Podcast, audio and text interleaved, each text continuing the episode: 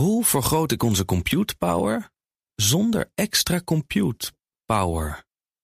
Lenklen, Hitachi Virtual Storage Partner. Lenklen, betrokken expertise, gedreven innovaties. Tech Update. En die komt vandaag van Michiel Jurjens. Hey Michiel. Goedemiddag Liesbeth, dag Kees. Ja, we lazen het net al even in de headlines. De Tweede Kamer wil TikTok verbieden op telefoons van ambtenaren, werktelefoons. Ja, ja, daarmee volgen ze eigenlijk het voorbeeld uit de Verenigde Staten... waar we best veel over gehoord hebben de laatste tijd. In meer dan de helft van de staten daar en ook bij de federale overheid... mogen ambtenaren die app niet meer op hun werktelefoon hebben.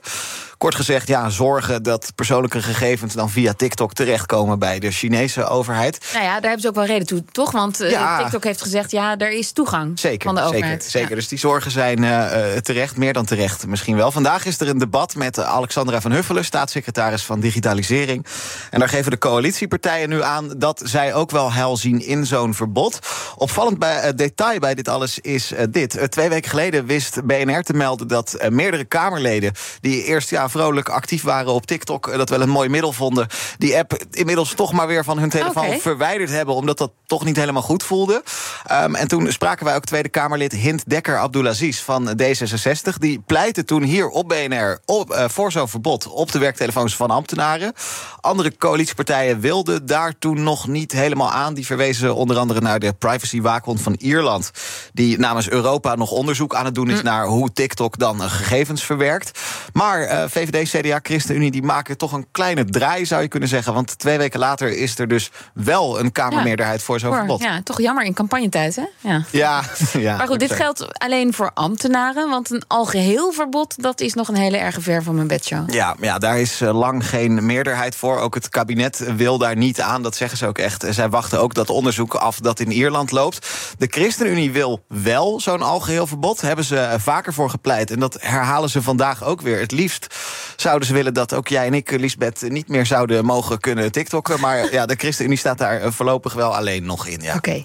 Dan, een Israëlisch spookbedrijf, tussen aanhalingstekens... heeft met hackacties en nepaccounts verkiezingen beïnvloed. Ja, wat een verhaal, hè? Ja. ja. En niet alleen in Israël. Eh, Nee, nee, wereldwijd. Eh, ja, op alle continenten. Ja, die accounts die zijn dus wereldwijd gebruikt om ja, desinformatie te verspreiden. Ook om verkiezingen te manipuleren.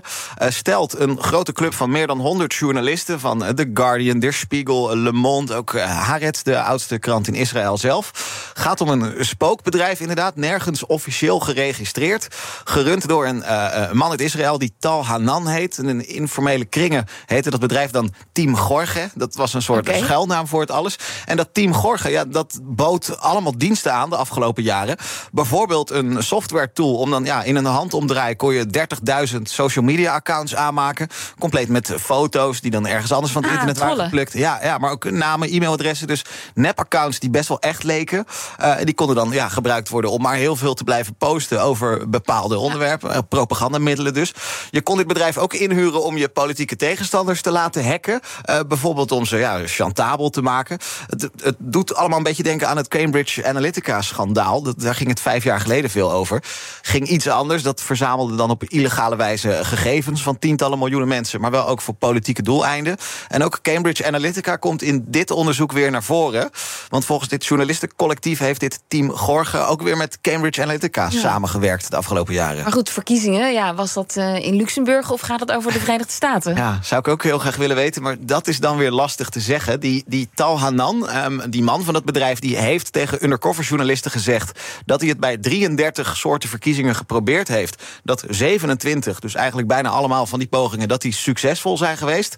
Maar dat is niet goed te controleren. Het, ja, het gebeurt heel veel onder de oppervlakte natuurlijk. The Guardian komt vandaag wel met beelden waarin je ziet hoe in eh, Kenia een belangrijk politiek adviseur wordt gehackt. Dan zitten ze ineens in zijn Gmail-account, kunnen ze zijn mailwisselingen lezen en dat tegen hem gebruiken. Eh, het is best heftig allemaal. Eh. Later in de Daily Move vandaag schuift Kees Verhoeven nog aan. Voormalig Kamerlid voor D66, tegenwoordig adviseur bij het Bureau Digitale Zaken. En dan praten Ja, we nog even verder we hierover. het, is echt, het is echt een enorme case. Het is een bizar verhaal. Ja. Dankjewel, Michiel Jurjens. De BNR Tech Update wordt mede mogelijk gemaakt door Lenklen. Lenklen. Betrokken expertise, gedreven resultaat. Hoe vergroot ik onze compute power zonder extra compute power? Lenklen. Hitachi Virtual Storage Partner. Lenklen. Betrokken expertise, gedreven innovaties.